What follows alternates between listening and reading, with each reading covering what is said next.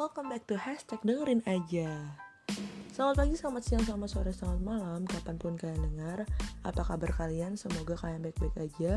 Baik lagi di hashtag dengerin aja Dengan suara yang kalian gak asing lagi Atau yang baru dengar suara gue. Hai nama gue Hana Khairunisa Gue umur 17 tahun. Sebelum sebenarnya belum sih. Sekarang Desember nanti 17 tahunnya Maret. Um, jadi singkat aja podcast gue ini berisikan tentang curahan hati gue karena gue bingung harus curahan ke mana jadi gue decide untuk nge-podcast.